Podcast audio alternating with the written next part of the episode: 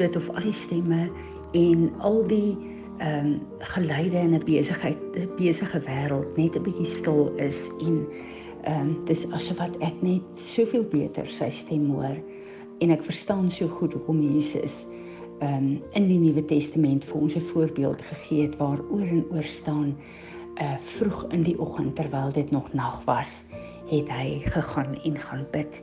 En ek besef daar is net 'n baie spesiale salwing op hierdie tyd en vir my is dit ook 'n profetiese aksie van 'n first fruit waar ek in hierdie eerste oomblikke na ek wakker geword het in 'n dag by Vader kan sit en uh deur Heilige Gees bedien kan word, my kan verwonder in wie hy is om kan aanbid vir sy grootheid en dan die diepte van sy woord verder en verder te ontdek deur die werking van Heilige Gees en dan met 'n diep diep dankbaarheid te dink aan wat Jesus vir ons kom doen het en dat hy ons kom terugkoop het in ons Vaderhuis in. Wat 'n voorreg, wat 'n voorreg om sy kinders te wees. Ek moet vir julle sê waar ek nou sit ver oggend op die 25ste Desember weet ons almal waar kom ons tradisioneel vandaan en ons het 'n baie pertinente besluit geneem om uit afgodery uit te kom 'n ruk terug veral nadat ons hierdie wonderlike geskiedenis van Jim Staley wat hy so goed bymekaar gesit het kon volg en uh kon ehm uh, kyk na die datums die geskiedenis waar Kersfees vandaan kom waar ons is vandag. En ek dink ons het elke een wat dit geluister het het besef hierdie is nie 'n beresting nie. Hierdie is 'n remnant 'n tydlyn wat God trek vir 'n remnant wat hy wil ehm uh, oprig uh in die tye wat kom. En ek besef dis baie radikale streep wat getrek word. So ek hoop regtig dat elkeen wat ver oggend luister het na daardie geskiedenis 'n uh, stuk gaan luister want hierdie is nie 'n keuse wat jy moet maak vir Peres of vir my nie, is 'n keuse en 'n antwoord wat elke een van julle self vir God moet gee. Maar in die aanloop na vandag toe het ek uh, geluister na die geestelike mentors wat die Here vir my gegee het en ek het baie respek vir hulle en ek ek is regtig baie lief vir hulle, maar weet julle daar is nie een van hulle wat Kersfees nie vier nie. En ek sit en ek kyk na die boodskappe wat julle vir my stuur wat ook na hierdie mense luister en ek kyk na die plek waar daar verwarring wil inkom want hulle aanbid die Here regtig uh, op hierdie dag en Uh dit is baie moeilik en ek sê ver oggend vroeg vir Vader. Ek sê Vader, ek voel letterlik soos 'n Otwan El. Dit voel asof wat ek by niemand van die geestelike leiers wat ek respekteer kan gaan sit en my hart kan deel met wat ek weet wat U op hierdie oomblik vir ons openbaar nie. En dan wil die vyand kom en sê, "Maar as jy feitelik die enigste een is, hoekom uh wil jy hierdie radikale nuwe pad volg?" En die Heilige Gees gee my duidelik 'n woord Fransie, julle is nie alleen nie. Soos wat ek vir Elia gesê het destyds, daar 7000 soos julle wat weggesteek is wat julle nie sien nie. So wil ek dit vir julle sê, julle is nie alleen nie. Daar is duisende wat ek oprig in hierdie tyd om terug te keer na die waarheid van my woord toe.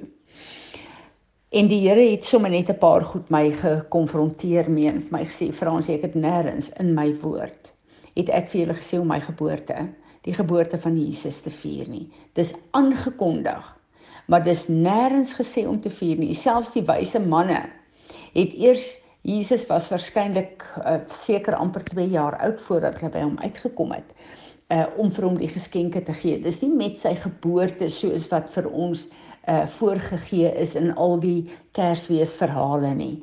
Ehm um, sy geboorte is aangekondig. Dit was 'n blye tyding geweest, maar ons is geroep om sy dood te vier.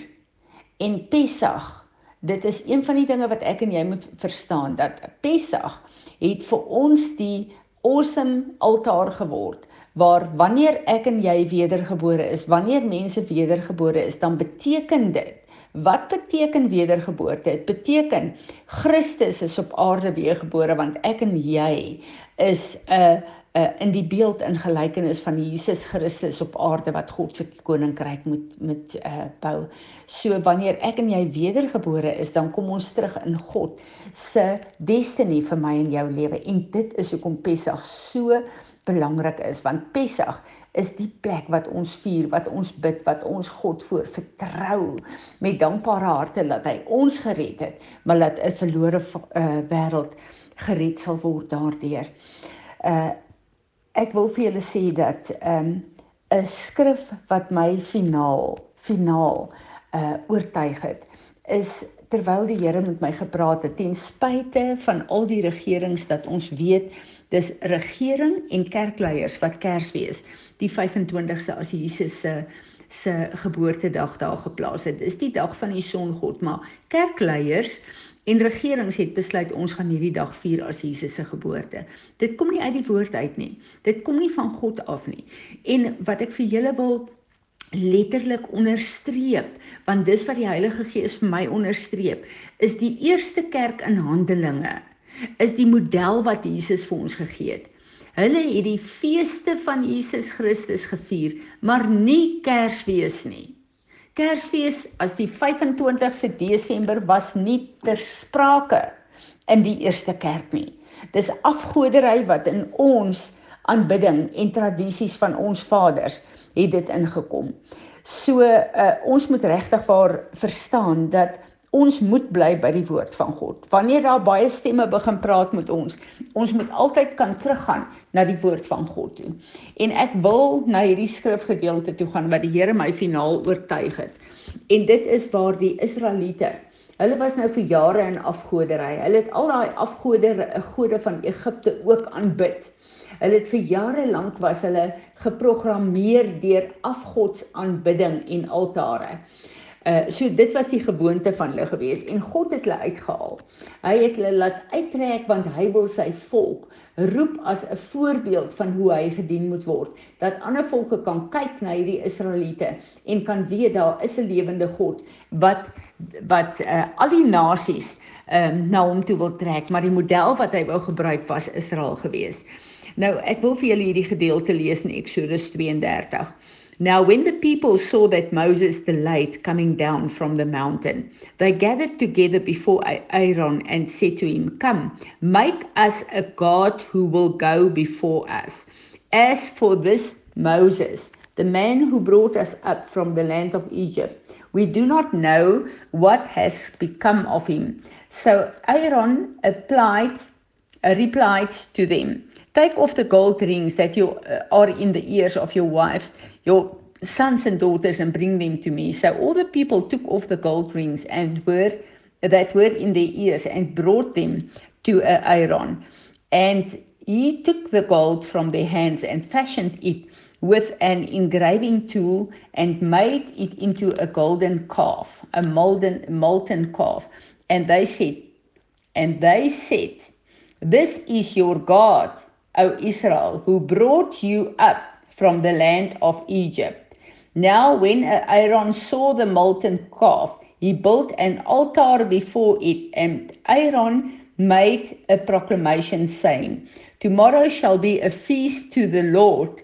So they got up early the next day and offered burnt offerings, brought peace offerings. Then the people sat down and eat and drink, and they got up and played shamefully without moral restraint wat dan beteken hulle het 'n 'n seksuele perversie uh openlik ook beoefen met daardie fees.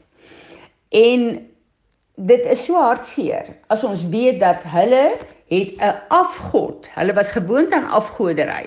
Hulle het 'n afgod gebou want hulle wou 'n god uh aanbid soos hulle wil, nie soos God gesê het hulle moet uh, moet hom aanbid nie. En hulle het gekom en hulle daai goue kalf in ons taal in die Nuwe Testament sal ons sê, gechristianise.